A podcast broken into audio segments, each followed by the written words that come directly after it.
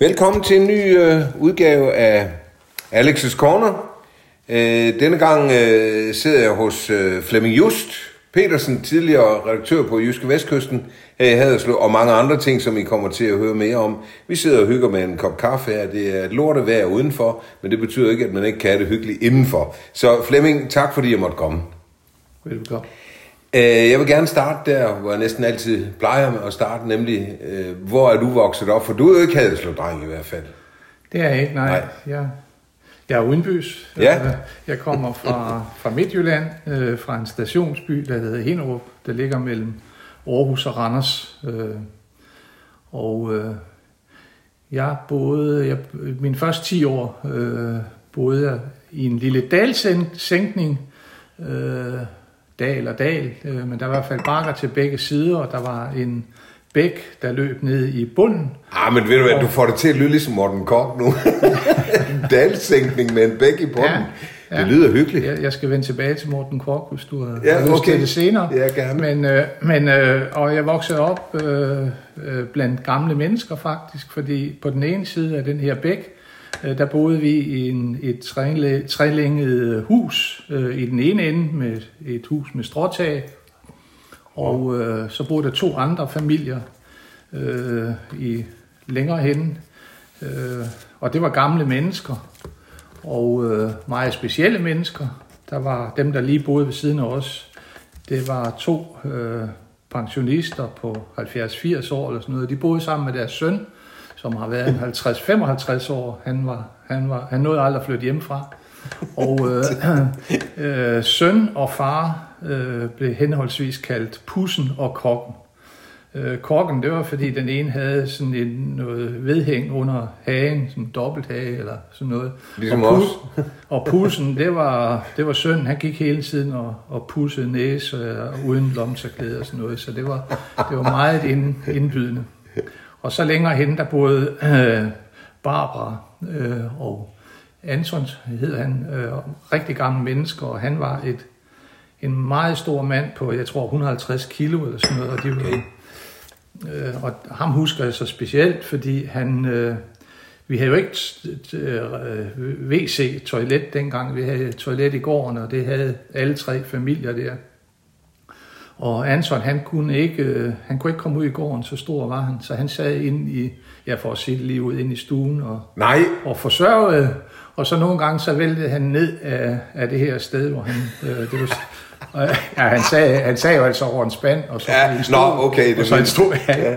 Og, men han øh, blev sørget indenfor simpelthen. det, ja, fordi han var så stor, at øh, den stakkels kone ikke kunne flytte ham. Så kom hun farne hen til min far og spurgte, nu, er- nu er Anton, nu er han faldet ned af, stolen og sådan noget. Kan du ikke komme hen og hjælpe ham Nej, op? nej, nej. Og det skete sådan flere gange, og jeg kan stadigvæk huske, øh, jeg var med nogle gange derhen, jeg kan stadigvæk huske den der lugt af... Åh oh, nej.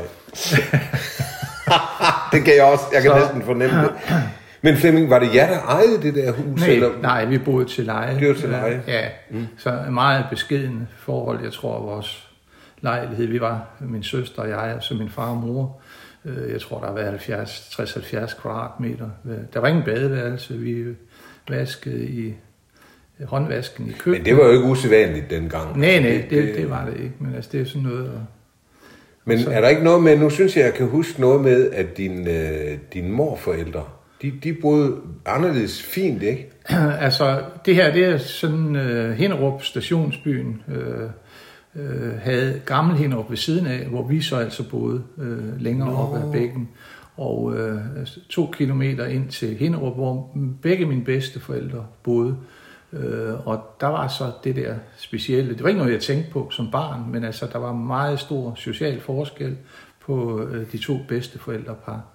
Øh, min morfar og mormor øh, boede i en stor ejendom på tre etager øh, og havde øh, prismelysekrone og stukloft og Sådan. øh, øh, store mahonimøbler og, og masser, af, masser af plads øh, i huset der. Og det havde de øh, købt i 1949, øh, fordi øh, den daværende ejer af bygningen, som drev en manufakturhandel, øh, havde kørt forretningen i sænk. Så, så min morfar og mormor, som egentlig havde et husmandsbrug øh, i Låsby, var det, øh, have erhvervet sig den her ejendom og den her forretning. Og øh, Hinderup øh, dengang var at sammenligne med Korsbæk. Og, så det var damernes magasin om igen så? Ja, det blev det. Ja. Øh, øh, fordi så kom min morfar og mormor til byen, og det skete jo på den måde, at handlen, ved handlen der blev det aftalt, at min mormor skulle i lære i fire måneder hos øh, øh, dem, der solgte manufakturforretningen, fordi de havde ikke nogen som helst forudsætninger. Øh, de havde jo drevet et husmandsbrug ude på Hold landet, og øh, min morfar havde, han havde ingen uddannelse, det havde min mormor jo heller ikke.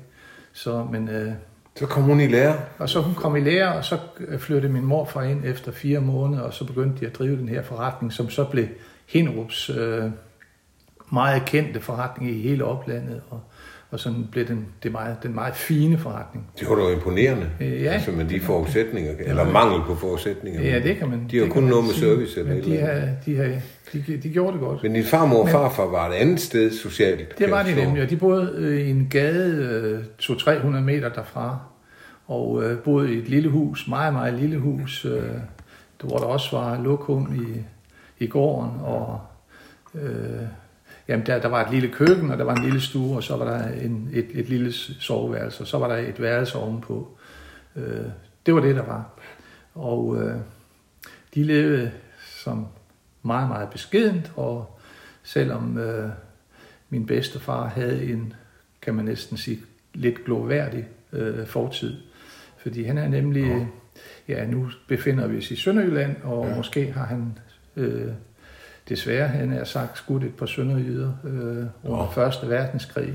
Oh, ja. øh, han rejste til, som 25 år, der rejste han til USA, eller Amerika hed det, dengang i 1914, lige før krigsudbruddet, og øh, arbejdede derovre øh, på nogle farme øh, indtil 1917, hvor han fandt på at melde sig frivilligt som amerikansk soldat. Øh, Selvom han okay. faktisk, nu har jeg researchet, det er aldrig noget, han selv har fortalt mig, selvom han faktisk øh, havde øh, undvæget at blive indkaldt til militæret øh, øh, her, herhjemme, og også fået en straf for det. Men øh, så lige pludselig meldte han sig med stor risiko for at miste livet øh, som amerikansk soldat, og blev uddannet øh, derovre og blev sendt til øh, Frankrig i øh, begyndelsen af 1918. Og så deltog han, ja, det var hen på forsommeren 1918. Så deltog han i det store afgør, afgørende slag øh, Møs Argonne, øh, hvor der var 250.000 amerikanere, der gav øh, tyskerne det sidste knæk og fik afsluttet krigen der øh, indtil den 11. i 11. Så det var han simpelthen ja, med til? Det var, det var han, H- det var han Flemming, hvorfor, hvorfor ville han ikke, øh, du siger, at han har aldrig ville snakke om det? Aldrig. Øh, jeg, er det ikke mærkeligt? Jeg, for det, jeg var jo ja, hvad har jeg været, 12, 12, 13 år eller sådan noget, da jeg fik nys om, at han, han havde en fortid øh, ja. i, i krigen der. Og det, den fik jeg faktisk øh, gennem en lærer, som boede på samme gade som min bedstefar, som min bedstefar så havde betroet det her, at han havde været med i krigen. Ja. Og så fortalte læreren mig det, og jeg begyndte så udfrit min bedstefar, men ja. det lykkedes ikke særlig godt, fordi han er, det snakker vi ikke om, sagde han. Nej. Og jeg har også fået at vide senere at fra min bedstemor, at han havde meget ofte mareridt. Og ja, så han havde nogle traumer med sig der. Fuldstændig, ja. ja. Det er uhyggeligt, ikke? Altså, at han ikke har ville tale om det, men, men det er jo en kendt sag, det der. Ja, man hører tit om, ja. at folk, der har oplevet grimme ting, ja. øh, pakker det ind. Og, ja. øh, det kender vi jo så også, hvis vi skal snakke om det senere, fra ja. den tavse tragedie. Ikke? Ja, øh, præcis. Altså, præcis. Folk, og det er jo det, der er så forfærdeligt, når vi ved i dag, hvor vigtigt det er at få, få tømt rygsækken, om jeg så må sige. Ja, ja. Så. Men sådan var det ikke førhen. Nå, ja, det var... Ja. Hold da op.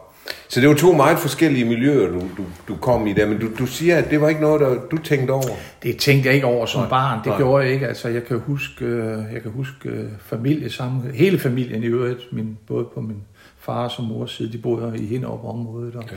der var mange øh, familiesammenkomster og sådan noget, og det var, uanset om det var det ene eller på, ene, på den ene eller på den anden side, så var det noget, som jeg øh, mindes med, med stor glæde. Ja. Så, og Vi springer lige lidt i det, fordi du vælger jo så, altså du har jo en god og lykkelig barndom der, kan man sige, ikke? Øh, øh, i Hinderup og Tryk og alt det Men du, så skal du videre, så vælger du at blive journalist. Øh, hvorfor det? Jamen, det har jeg jo tænkt over flere gange, fordi der er ikke sådan nogen helt speciel grund til det. Øh, jeg tror, en af grundene er, at øh, min far han var fantastisk god til at fortælle historier. Okay. Han havde sådan set heller aldrig fået en uddannelse. Han var landpost og kom ud og tjene først ved bønderne som 13-14 år. Øh, men han var øh, eminent god til at øh, øh, hvad hedder det, i akt folk øh, og fortælle gode historier. Øh, så det jo det, der fascinerede dig simpelthen? Det, det, det var det første, ja. og så var det andet, det var, at da jeg så sådan kom ind i teenage-alderen, tidlig, tidligere teenage så øh, fik jeg en kammerat nede i Hinderup, som det hed, altså stationsbyen, det der par kilometer væk. Ja, ja, sådan kaldte vi det jo. Og øh, øh, han havde en far, og der, kan man, må man, der må du gerne trække på smilbåndet igen. Han havde en far, der var, han var trafikassistent, faren, men han var også meddeler til Randers Amtsavis. Øh, meddeler? Øh, ja, øh, ja, han var betalt per linje, og, og, og han var jo så en slags journalist, øh. Og det inspirerede måske også lidt. Og så var der byens sheriff, som han kom sammen med, og i øvrigt drak mange bajere sammen med det øh, Han var meddeler til Aarhus Stifttidene. Okay. Så det var jo helt journalistisk miljø, ja, det kan jeg godt se. Øh, jeg voksede op i. Det gav næsten sig Men selv. det var, det var så ikke... Øh, det var så måske ikke øh, det helt væsentlige. Det væsentlige, det var, at øh, den her far og trafikekspedient, han, han læste bøger. Han, han, var, han, var, han læste meget litteratur. Ja. Og det smittede af på hans søn, og det smittede af på mig. Så vi, øh, øh, selvom vi var nogle valper på 13, 14, 15 år, så, så læste vi altså Steinbeck og Somerset Maugham og ja. Claus Rifbjerg, Ole Sarvi digte og ja, ja. Øh, Hemingway og øh, og snakkede med faren der om det. Han, han stammede en hel del, så han, han kom tit ned i kælderen, hvor vi ude hos dem, hvor vi sad og drak te og spiste øh, ostemad og sådan noget, og snakkede litteratur og musik selvfølgelig, ja. og film. Øh, og, og så kom han ned, når han stammede, så det, det, det, det, det den der skal fandme, fandme læse. Det er litteratur, sagde Werner. Ja, ja, sagde vi så. Okay. Og, så, og film gik vi enormt, altså når jeg tænker tilbage, det, det var mærkeligt, at, øh, at vi var så interesserede i det. Vi var ikke ret gamle jo, og vi spillede fodbold og begyndte at interessere os for piger og alt sådan noget. Så de helt normale ting var der også? Ja, ja. Altså Men... vi, vi øh, Claude uh, Chabrol og Truffaut og Roman Polanski og ja. Ja, Fellini også, husker okay. Med, vi, uh, de film så vi.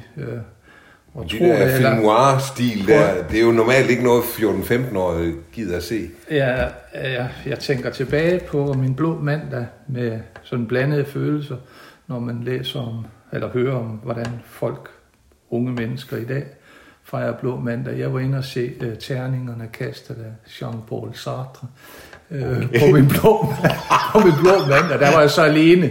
Altså, med al respekt, men jeg tror, det var dig, der var lidt speciel der. Det, det, tror jeg ikke, der var mange konfirmander. Det er jeg er fuldstændig klar over, men jeg har jo så et andet liv ved siden af, ikke? Med, med... Jamen, det er det, der trøster mig, at de også er interesseret i at få fodbold ja, og piger. Ja, ja, det kan du tro, det kan du tro. Men, men sig mig, øh, i Hinderup, var der, en, var der en biograf? Ja, det var der. Det, og det var faktisk, øh, jeg nævnte øh, læreren før. Ja. Det var øh, min historielærer, som kendte min bedstefar. Han drev biograf no. i Hinderup, og, hvor vi så ikke kunne se de der film. Det var byen for lille til, der tog vi ind til Aarhus og så. Ja. Øh, de der, vi var, vi var meget øh, skal lov for at være interesseret øh, for eksistentialismen, øh, som Sartre og, og Camus og Simone de Beauvoir. Hold da øh, Det er altså hende der kvindeforkæmper, ja, som ja. var øh, ven med, med Sartre. Og det var... Det, det synes jeg det, godt nok er specielt var, i den alder der. Ja, men, og det øh, undrer, ja, det undrer også mig, altså, ja. fordi... Øh, men også digte, siger du, læste de også Ole Sartre? Ja, ja, altså jeg, jeg gik ind på Aarhus Universitet til litteraturforelæsning og, og sådan noget, for, og det var, jeg kan huske, der var blandt andet Ole Sartre. Ja, så. wow. Nå, Ej, hvor spændende. Peter Seberg var også en af, han var også en... Han, Som jo stammer fra Haderslev. Det gør han nemlig. kom ja. til Viborg ja, senere, Ja, ja. yes. Det er, Jeg prøvede også at læse Peter Seberg. Det var for svært for mig. Det kan jeg huske, mens jeg gik på gymnasiet. Ja. Jeg synes simpelthen, det var for kompliceret. ja. Så vidt jeg husker, var han lavede den, der hedder Fugls Føde. Ja, lige præcis. Ja, ja. Ja. ja. Han blev museumsinspektør der gjorde i Viborg. ja, i Viborg, ja. ja. ja. Og hans, hans datter er øh, journalist ved Danmarks, eller har i hvert fald Ja. Anne Seberg, er det ikke? Ja, nemlig, ja. ja. Øhm, men jamen, du har jo altså allerede været interesseret i ordet, i hvert fald, og formidling, kan man så sige. Jamen, det var så det, for lige at, ja. ja. at, altså det var så det med formidling og Ja. ja. historien, og fortælle gode historier, Ja. ja. og, og, hvad hedder det, beskæftige sig med mennesker og skæbner, mm. øh, synes jeg. Øh, Så måske i dag ville du måske have læst øh, et eller andet filmvidenskab eller sådan noget. Øh, men, men Ja. hvad pokker. Nej, i dag, øh, altså du tænker på, hvis øh, dengang i stedet for journalist, Ja, eller? ja. Ja, nej, det, det ved jeg ikke. Nej, altså jeg var...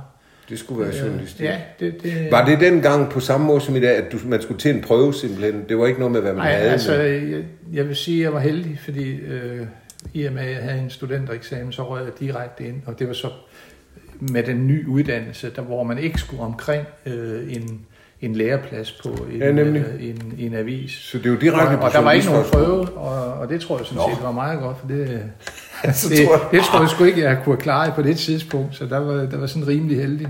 Ej, jeg tror, du har da vidst meget, når du har altså, ja, du var så litterært om nogle ting, men ja, om nogle ting. Nå, så det var, det var uden prøve, for det, i dag er det jo sådan set ligegyldigt, hvad uddannelse man har. Man skal bare bestå den prøve. det er man kan i princippet komme Ja. ind med en 9. klasse, ikke? Jo, jo, Jeg tror ikke, det vil ske, Ja. men... Øh, øhm, nå, og du bliver journalist. Var, du, var, det, var det godt? Var du glad for det studie? kolossalt jeg er glad. Altså, jeg har været glad for alle mine år i, Ja. i journalistik. Så det var jeg synes, det har valg. givet mig et, øh, et rigtig godt livsindhold, øh, synes jeg. Ja. Øh, uanset hvad jeg har lavet og hvor jeg har været. Øh, og jeg har rigtig mange gode minder om, øh, om det. Men man siger jo også, at journalistik kan føre til alt, ikke? Altså, det, det Ja. giver jo mange muligheder, hvis man nu ville gøre noget andet. Det valgte du så ikke at Det, gøre. Men, det har jeg aldrig haft lyst til. Nej. Nej. øh, hvordan var overgangen fra, fra Hinderup ude i, i, i lavningen og ved bækken, og så kom ind til det brølende Aarhus? Øh, jamen Aarhus var jo, det, var der, vi søgte ind til koncerter og, øh, ja, og til biografer, til udstillinger og sådan Boks noget. 72. Kan du huske det? Det var der da i 70'erne. Ja. Noget, der hed. Ja, ja. ja om vi, og vi var også sådan mere, det mere lødige i, i situationstegn. Vi tog også ind på Maritza og Den Blå Fugl og sådan noget. Det var det var. Og det gjorde vi faktisk. Ja, Maritza kan jeg havde, godt huske. altså, min gode kammerat der, Egon og jeg, vi, ja, vi har vel været, ja, vi har været 16, 15-16 år. Og hvordan vi er kommet ind derinde, det ved jeg ikke, men vi kom i hvert fald ind i de der. Øh, og vi havde en, øh, en kammerat, der havde en Morris 1000, øh, som var, han var komi øh, ved købmanden i Hinderup, og han, øh, han kørte rundt med os, og vi desværre en af de lidt mere øh, ubehagelige historier, det var, vi øh, på et tidspunkt var inde på Maritza der, og, og så skulle vi så spille fodbold dagen efter. Jeg kan huske, det var i Langå, og øh, vi var kommet sent hjem, og så ringede vi til holdlederen, som var sparkastdirektør, og sagde, at vi kører selv til Langå, fordi øh, vi er lige kommet lidt sent, vi skal lige have hentet lidt tøj og sådan noget. Og øh, vi kørte selv over, han var selvfølgelig rasende, fordi vi var kun juniorer. Og øh, så kom vi i karambolage med dommeren, og sådan lidt, øh, vi, var ikke, vi var ikke så, det var ikke så godt. Øh, og vi nægtede også at køre med bussen hjem. Vi, vi havde jo vores egen privat chauffør, så vi fik lige to års karantæne på den konto. Så to år? Ja, det gjorde vi faktisk. Hold da op. Ja. Det, er- min, øh, min far var sjældent gal, øh, men øh, jeg kan huske det om mandagen, da jeg kom hjem fra skole og sådan noget, der var han er fuldstændig rasende, hvad det var, hvordan det var, jeg opførte mig. Øh, Ja. så Der fik du en skideball. det gjorde jeg. Det gjorde jeg. Det var, Jamen, jeg kan godt huske Maritza. ja, det kan du jo Ja, også altså, vi er jo nogenlunde samme årgang. Ja, ja, det er jo det. sige. Ja. Øh, så det var også nogle gode år, du havde der i Aarhus, øh, øh, med både det ene og det andet. Øh, det behøver vi jo ikke gå i detaljer med. Nu har du nævnt Ej, de steder, du kom. det jo lidt af hvert. Ja, ja. Jeg, jeg har altid betragtet livet som, at det skal være en blandet bolsje. Ja, Så det skal jeg lov for lige fra forelæsninger på universitetet Ja, til ja, Maritza, der ja, ja, vej. ja. Øhm, da du, uddannet, øh, da du bliver færdiguddannet, øh, så kommer du til Vejle, er det rigtigt? Øh, er det som- Altså, i 75 blev jeg øh, færdig uddannet fra Danmarks Journalisthøjskole, og Ja. øh, der har jeg været praktik i Vejle. Når der var praktik ja, under studiet. øvrigt ja. under de der, øh, øh, hvad hedder det, billøse søndage og sådan noget. Så, Ja. så jeg boede på et, på et værelse i, i Vejle på det tidspunkt. Mm. Og, havde også en lille sjov episode med øh, den, øh, en, øh, chefredaktøren på Vejle Amts Folkeblad. Øh, da jeg kom derned, øh, blev jeg kaldt ind på hans kontor, så for han ville byde velkommen, og det var sådan en ældre, øh, hvidhåret, distingueret herre, der sad ved et stort skrivebord. Og jeg blev placeret over for det her skrivebord, og jeg havde sådan en lille samtale der, og så spørger han selvfølgelig om, hvad synes de så om den nye uddannelse? Øh, jamen, jeg synes, at den, det er rigtig godt, og specielt så synes jeg, det er godt, at man nu begynder på skolen, i stedet for at skal have øh, hvad hedder det, forbindelser gennem øh, chefredaktøren, som har forbindelser til ud, altså, og sådan noget. Nå, ja, men Ja. øh, så siger jeg tak for talen, samtalen så og jeg tænkte, det var da mærkeligt, at han øh, sådan lige afsluttede det, og jeg gik hen på i redaktionssekretariat, hvor de andre de ventede, og jeg fortalte, hvad det var, jeg havde sagt, og så var der en, en grin og, og sådan noget uden lige, fordi det viste sig så, at den chefredaktør, han var kendt for at tilgodese øh, de store øh, gårdmænds døtre og sønner som, øh, til, elev, til elev, elevpladser. Så Ja. jeg har gjort mig uheldig bemærket mange gange, og det var, det var en af Det gangene. var en af dem lige fra starten. Ja. Var han så efter dig resten af tiden? Nej, eller gik overhovedet det ikke. okay? Overhovedet Nå. ikke. Jeg havde en rigtig god tid Nå. øh, på Vejlands Folkeblad. Jeg jeg fik lov til at, at lave alt muligt, og skrive alt muligt, og redigere og sådan noget. Det var meget, meget lærerigt. Og derfra kommer du til Fredericia. Så, så har jeg efter 75, øh, så er min kone, hun har fået et godt job på Fødselsanstalten Jylland øh, i Aarhus, Ja. og har lige fået det. Og, øh, jeg søgte jobs i Aarhus og omegn, og det lykkedes ikke. Der var masser af arbejdsløshed Ja. ja. øh, på det tidspunkt der. Så der gik fire år, hvor jeg, hvor jeg var postbud. Øh, det havde været alle mine øh, ferier Nå. og sådan noget, fordi, ja, fordi min far var post, ikke? Så, var der, så var der mulighed for at tjene penge, mens jeg gik i skole.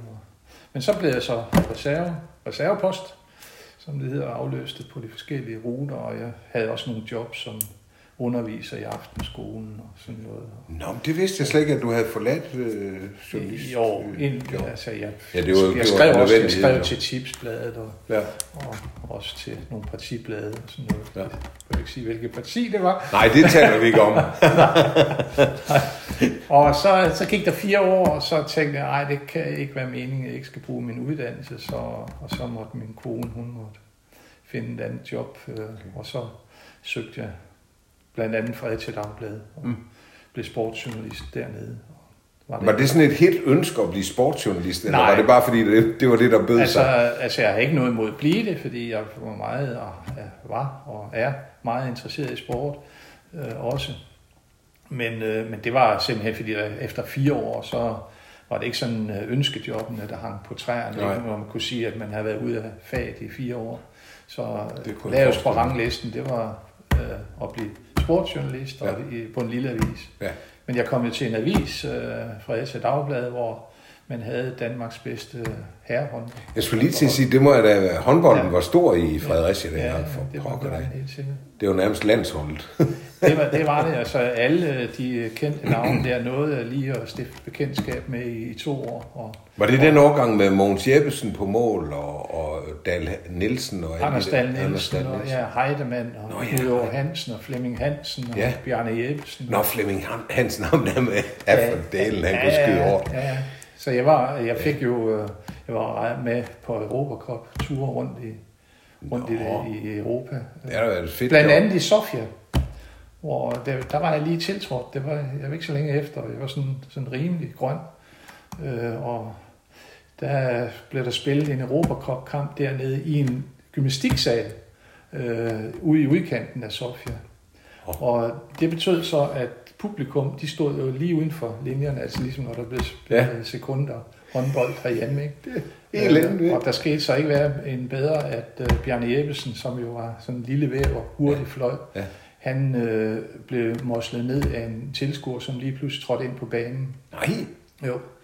Og fik øh, hjernerystelse. Og så sker der det, at øh, der bliver tilkaldt en ambulance, og så øh, KFM's massør tager med Bjarne Jeppesen i ambulancen. Ja. På vej til øh, sygehuset, der er i et, et vejkryds, der kører ambulancen ind i en anden bil, så massøren han øh, bliver hårdt kvæstet og får ødelagt sit bækkenparti.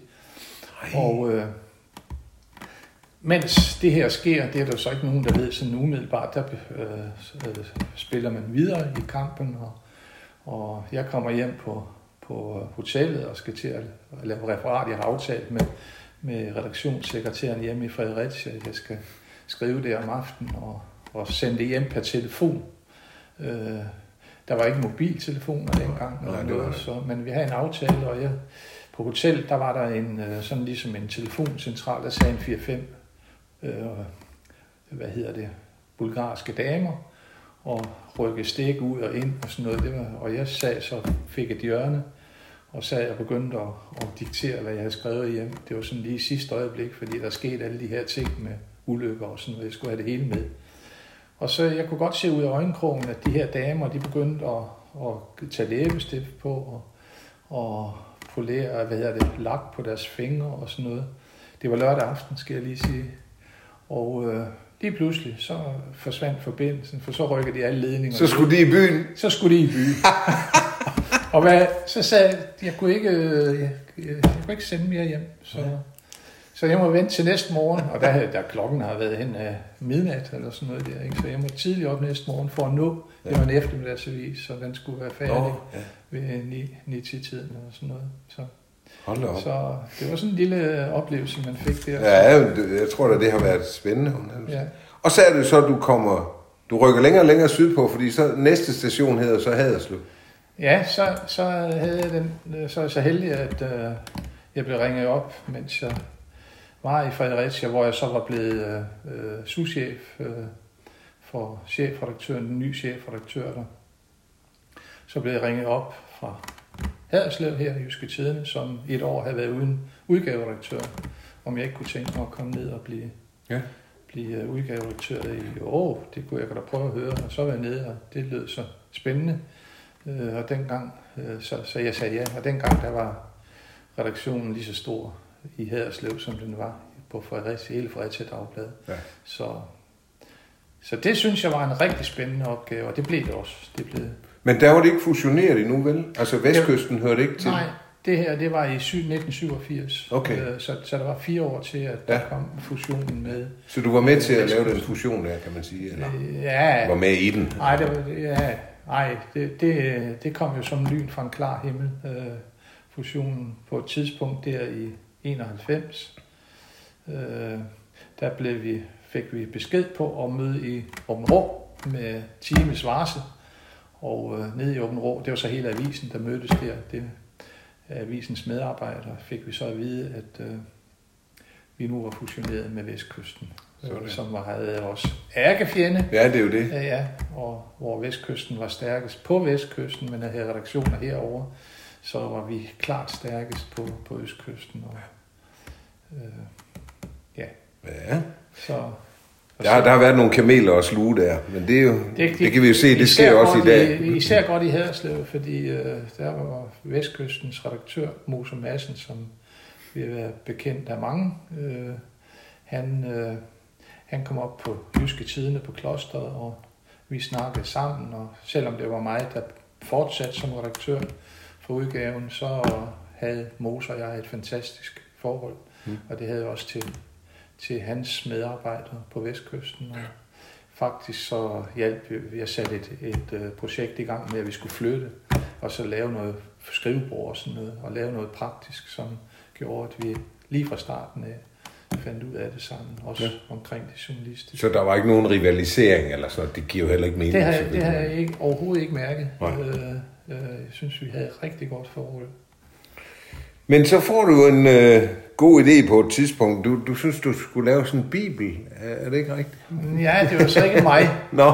Øh, historien er kort fortalt, at efter hvad har det været, en 5-6 år øh, i Haderslev, så siger jeg til den daværende chefredaktør, jeg kunne godt tænke mig et andet job, fordi jeg vil gerne, jeg vil gerne prøve noget andet.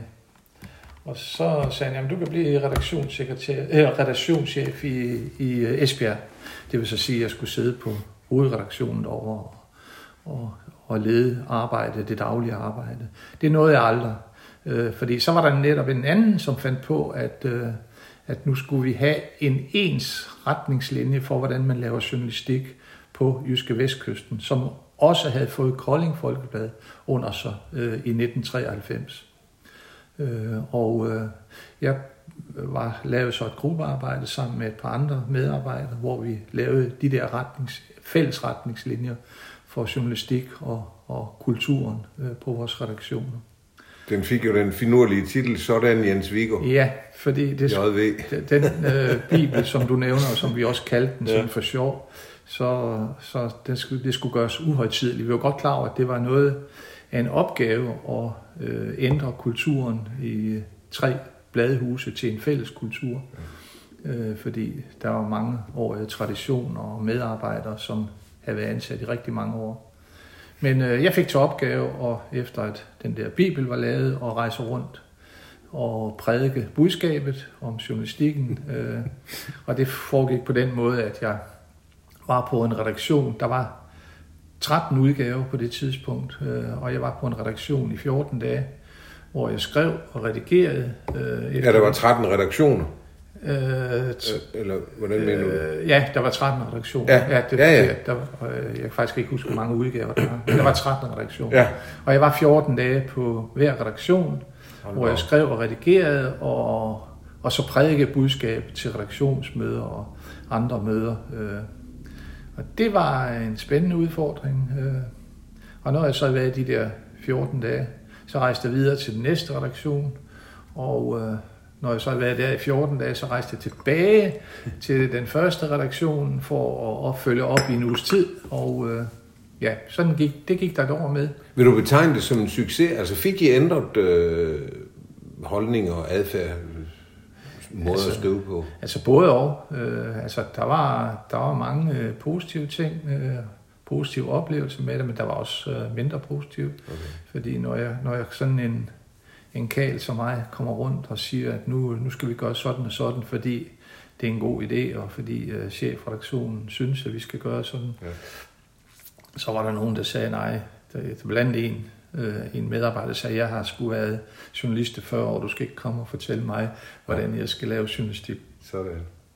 Ja, så, så der var, altså der, er modst, der var altid modstand mod forandringer Selvfølgelig er der og, det. Øh, og nye ting. Så Men det må have været et spændende arbejde. Det er jo noget af en udfordring, kan man sige.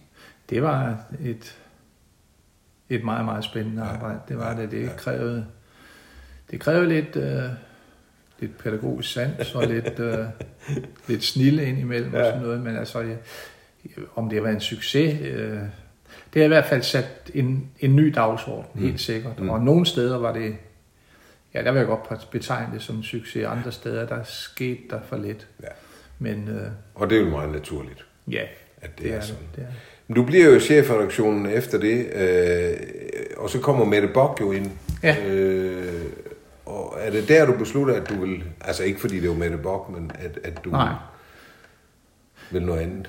Ja, så, så har jeg været i Esbjerg en 6, 7, 8 år eller sådan noget, og øh, kørt frem og tilbage. Jeg beholdt min bopæl i Haderslev, og var lidt træt af, enten så skulle jeg flytte til Esbjerg, og så kunne jeg fortsætte i chefredaktionen, så jeg, Ja. ja. eller også så skulle jeg, så skulle jeg noget andet.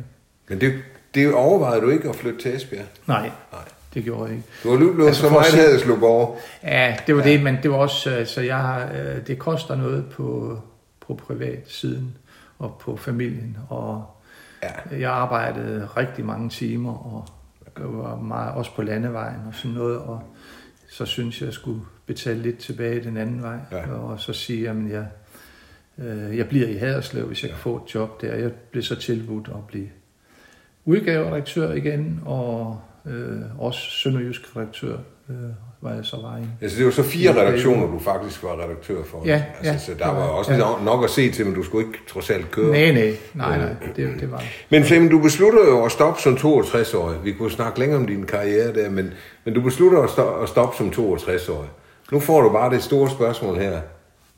Har du fortrudt det, eller har du, er, du, er du tilfreds med, at du valgte at stoppe som 62 Jeg har ikke fortrudt et sekund. Sådan. Øh, det var overbevisende. Ja, og jeg havde sådan set bestemt mig øh, nogle år forinden, at det ville jeg. Øh, at jeg vil prøve at dyrke nogle andre, eller Ja. sutte på nogle af ja. andre af de bolcher, som, Ja. Som øh, jeg ikke har gjort. Altså. Men det er jo meget pudsigt et eller andet sted, fordi jeg ved jo, hvor, hvor, hvor glad du var for at være journalist. Og altså, det, det er du jo bare. Du er jo journalist med hud og hår. Mm. Og alligevel så vælger du at gå som 62 år. Ikke? Jamen, jeg har jo ikke stoppet med at være journalist. Nej, det er jo nemlig Så, det, Ja. og det er selvfølgelig også der, jeg gerne vil hen. Det, det er jo ikke sådan, du har lagt dit fag på hylden, må man sige. Og især vil jeg gerne lige hæfte mig lidt ved din, øh, altså din forfattergærning, fordi du har, du har skrevet en hel del, altså dels småting, men også bøger jo, altså, øh, ja. Og her tænker jeg selvfølgelig mest på Den tavse tragedie, mm. altså bogen om, om øh, damkatastrofen i 1959. Mm. Kan du ikke, øh, som man siger nu om sådan, kan du ikke sætte et par ord på det? kan du høre, jeg har lært noget af journalister? ja, det er, jo, det er jo altid så nemt at spørge på den måde. Ja. Det har jeg også brugt selv. Men hvad var det, der, der fik dig til at, at skrive den bog, som jeg i øvrigt synes er helt fantastisk? Ja, tak skal du have. Øh, Jeg gjorde det jo så sammen med min kollega Paul Erik Thomsen, Ja. skal, skal lige nævnes. Ja. Jamen altså, det var jo øh, dels så har jeg været i Haderslev i mange år, og øh, forinden, at vi startede på bog, bogen der, og øh, havde skrevet artikler i ny og næ, øh, især omkring øh, årsdagen øh, den 8. juli øh, for katastrofen. Øh, men der har aldrig været skrevet noget, noget samlet om, om øh, altså hele forløbet og øh, historier fra både overlevende og pårørende og myndigheder og så videre. Og øh, på det tidspunkt, der i 2007-2008, der var jeg medlem af Haderslev Rotary Klub, og der var nogen, der sådan på lidt til mig og sagde, skal I ikke øh, i avisen markere, at det øh, i 2009 er 50-året for katastrofen? Jo, det skal vi da selvfølgelig, og sådan noget. Jeg undrer mig lidt over, at det, det kom derfra, fra Rotary Klubben. Og det viser sig senere, fandt jeg ud af, at øh, de havde givet øh, en jolle til en af heltene øh, i forbindelse med katastrofen. Benny Andersen hed han, han var 10 år på det tidspunkt, Nå. og havde været med til at redde øh, adskillige af de forliste fra, fra turisten der. Øh, og øh, så havde man selvfølgelig, og det var så i øvrigt sådan med det forbehold, at han, er, han er, var belønnet med den jolle, at han ikke sagde, hvem han har fået den af. Øh, og det var heller ikke noget, som, som jeg øh, kun gjorde, efter jeg fik at vide, at det var Rotary-klubben. Men øh, Ja, det, var, man jo det var med til at skubbe til, og så øh, Geils, H.P. Geils, som var borgmester på det tidspunkt, han havde så nedsat en lille gruppe, der skulle arbejde for, at der kom et mindesmærke, Ja. ja. som havde været øh, diskuteret gennem årene, øh, og der havde været stor modstand mod det, øh, fordi det var ikke noget at mindes, synes folk. Øh. Og i forbindelse med, med den der gruppe, der kom jeg så med, og øh, der blev jeg så spurgt, om jeg, om jeg ikke lave et hæft eller et eller andet, og sagde, jo, det kan jeg godt. Og så begyndte jeg sådan at kigge på det, og sagde, at der er basis for en bog. Ja. Øh, og så spurgte jeg så min kollega, Paul Erik Thomsen der, om han ville være med til at lave den, fordi vi skulle jo arbejde normalt stadigvæk ved ja. siden af. Så det, det var sådan set det, der gjorde, at, øh, at øh, vi startede med, med Så vi har flere gange, jeg har aldrig fået dig spurgt om, hvor, hvorfor skulle Paul Erik med? Altså, hvorfor kunne du ikke skrive den selv? Det var simpelthen på grund af, af Arbejde. tidspresset. Ja, det var det. okay. Var, ja, det var det. Altså, jeg, Ja, ikke fordi jeg har noget mod Paul Erik, altså. nej, men, nej, øh, nej, nej, nej, nej, øh, men, øh, men vi havde... Øh, Men er det ikke Vi havde fascinerende? to hanelefanter, som Ja, ja, har hver vores, og vi havde også et par sammenstød undervejs, Jo, jo. men i det store hele, så havde vi rigtig fint samarbejde, som, ja. øh, øh, Men Flemming, prøv lige at forklare mig, hvad, når du, fordi jeg har været noget optaget af det, hvorfor var det, at, jeg synes, det er en fantastisk titel, I har givet bogen, Den tavse tragedie, for det var det, det var. Der var ikke nogen, der talte om det. Jeg kan jo huske det som barn. Øh, jeg var seks år, da det skete, men jeg kan huske, når jeg spurgte om det der, der blev aldrig svaret på noget. Heller ikke i skolen senere. Det- Man, man talte ikke om det, og signalet var klart, det taler vi ikke om. Ja.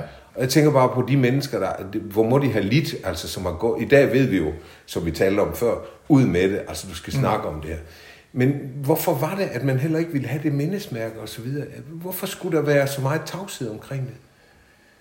Jamen, ja, det har jeg spurgt flere af, af kilderne om, øh, og sammenstemmende, næsten sammenstemmende, så siger man, at det gjorde simpelthen så ondt at snakke om det. Altså det er så dem, der har på en eller anden måde har haft berøring Ja. med, altså nogle af dem, der har været med til at redde. Der var rigtig mange civile, øh, der, der gjorde en stor redningsindsats, og en af dem var øh, den senere turistchef i Haderslev, Svend Ove Madsen.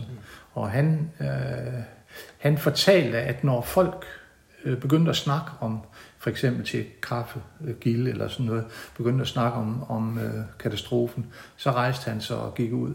Øh, han kunne ikke holde ud og snakke om det. Jeg kunne ikke snakke. Ja, han synes simpelthen, det var for frygteligt, at lugten og lyden og det hele, det kom igen. Og det har vi altså, det, det er et gennemgående træk, som vi har mødt øh, hos øh, dem, vi har talt med. Altså jeg tænker bare, i dag ville der jo stå 50 krisepsykologer, der ville have taget Det er det. ikke? Ja. Øh, Det, det er jo Ja. skrækkeligt for de mennesker. Ja, Fordi altså, jeg ved jo også, øh, det der med, nu siger du lugten, altså der var jo folk, der løb brændende rundt som fakler, ikke? Altså det var jo frygteligt. Øhm, så jeg kan, man kan jo godt forstå de mennesker, men øh, altså det er, det, det, øh, tidens løsen, ikke? jeg nævnte det også i begyndelsen her med min bedstefar, ikke, som Ja. oplevet ja, øh, den forfærdelige store krig der. ja, Øh, at tidens løsen var jo, at vi lægger låg på det her, Ja. ja. så går det væk af sig selv. ja, Men, men, øh, men det gør det jo ikke. det gør altså. det jo ikke. Det ved vi jo i dag i hvert fald.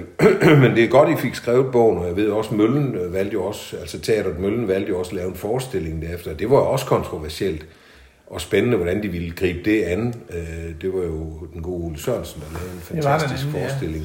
Som jo faktisk lavede en forestilling, der var meget sådan med glæde og, og, og, og sådan noget. Jeg var noget nervøs, da jeg skulle ned og se den, fordi jeg tænkte, det, det kan vi ikke holde ud det her, men det, det var faktisk fint. Det var, det var næsten poetisk, og det, Ja. ja. det chokerede også mig, Ja, da jeg så det var virkelig Jeg noget- lidt svært til at begynde med, med Ja. at forlige mig med det, men, Ja. ja. og så brugte han jo øh, amatører, altså ja. gymnasieelever fra katedralskolen. Ja. Så, som, øh, Jamen de der glade forestillingen. piger, der gyngede, Ja, og sådan noget. det var ikke lige det, man ja. forventede Ja. med en Nej, domkatastrofe. Nej, nej, det er... Øhm, så det er godt, I har lavet den bog i hvert fald. Øh, og så har du jo også lavet en om øh, morgenposten og natbarberen. Det har jeg, Ja. ja. Hvad kommer der mere ud af den? Hvad, kommer der en opfølgning? Eller? Nej, det, Den er jeg, jeg har svært ved at se, øh, hvad der skulle være opfølgning. Altså, Ja. Jeg vil jo gerne have snakket med, øh, med Morgenposten, øh, den ene af de to hovedpersoner, som Ja. øh, flyttede til, til Grønland, øh, sådan, da, han kom, da de kom ud af fængslet. Ja. Øh, og som ikke, øh, ikke hvad jeg ved af i hvert fald, der er ikke nogen, der har talt med ham siden overhovedet. Heller ikke engang hans søster, øh, og heller ikke forældrene, da de levede. Så han forsvandt simpelthen. Øh, Ja. Og jeg prøvede at, at finde ham i, øh, jeg kunne også finde ham i en telefonbog og sådan noget, og med adresser, og jeg prøvede at skrive og ringe til ham, og jeg ville gerne have haft hans øh, version af det. det. Det kunne være en opfølgning, men, øh, men jeg har simpelthen ikke kunnet finde ham. Øh, selv Men du har talt med. Ole, altså Ja, øh, Sjønvald, ja. natbarberen. Ja, ja, det har jeg.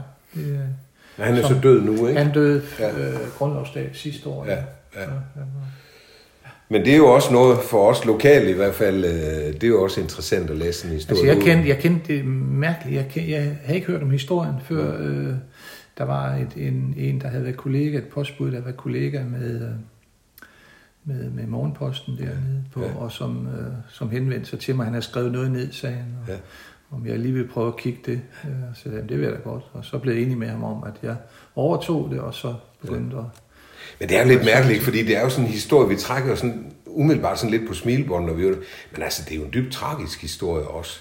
Men vi grinede jo af det der, den måde, de gjorde det på, og bare tog ned og lå på stranden i, på Gran Canaria og sådan noget. Altså, som mange siger, så der var ikke nogen, der kom til skade ved det her, så, sådan rent fysisk. Nej. Øh, Der var ikke hverken trusler eller noget som helst. Ja. Vanvittig, vanvittig historie, men som du siger, øh, tragisk, ja, for hans forældre, for eksempel. Ja, Øh, for altså Sjønvalds forældre, ja. og helt sikkert også for, for Morgenpostens ja. forældre. Ja. Ja, og familie i det hele taget. Ja, og børn ja. og sådan noget, ikke? Så... Men er der flere bøger på vej, Flemming? Ja, så har jeg jo så lært Soldaten, der vidste, at han skulle dø også, øh, som, om 9. april, og, ja. og som, øh, som jeg er begyndt at holde foredrag om også. Ja. Øh, øh, som bygger på det, der skete i Haderslev og Sønderjylland ja. øh, den 9. april 1940, men som også er bygget op omkring øh, en af de soldater, der mistede livet nede på Sønderbro. Øh, er det sådan et foredrag, hvor du fortæller, og har du også billeder med? Eller? Ja, der er både billeder og, ja. og også fortæller om, om, ja. Øh, ja, om soldaten, der vidste, at han skulle dø, ja. øh, som var fra Vestjylland, og som sagde til sin far, øh, fem dage før angreb, jeg kommer ikke hjem igen, det kan jeg mærke. Øh, ja. øh, jeg bare, altså, han havde et, et, et barn på et år, som han lige har fejret fødselsdag med. Jeg kommer ikke hjem mere, det, men du skal ikke sige det til nogen. Og ganske rigtigt, så døde han øh, Hold da op. nede ved Teatret Møllen. Øh, Nå, det var ham, ja. Bag øh, de der mavevogne. Ja. Og så øh, har jeg så snakket med hans søn, der var et år på det tidspunkt, no. og var interviewe sønnen og familien, og fået en masse breve, brevvekslinger no. forskellige andre ting. Så, så det er sådan ligesom øh, Danmarks, den nationale begivenhed, verdensbegivenheden, har prøvet at hæfte på en personhistorie. Ja. Jamen, det er jo de der personhistorier, du godt kan lide. Ja, helt sikkert. Ja. Men du, holder du stadigvæk foredrag om damkatastrofen også? Ja, hvis, det gør, det ja. gør jeg. Altså, jeg har holdt tre i år nu efter, ja. og har også et par stykker i foråret ja. næste år. Så. Så det er noget af det, du godt kan lide at beskæftige dig med? Ja, det kan jeg helt sikkert. Så spiller du også lidt golf og går til fodbold? Åh oh, ja. ja, ja. Der oh, ja. er nok ja. at se til. Ja, Flemming, det har været en fornøjelse at snakke med dig, og, og jeg vil håbe, du bliver ved med at holde din foredrag også, at du bliver ved med at skrive noget, fordi det, det er jo nogle, nogle gode historier, du, du fanger, synes jeg. Så uh, tusind tak, fordi jeg måtte komme og besøge dig, og held og lykke med det hele. Tak skal du have. Selv tak.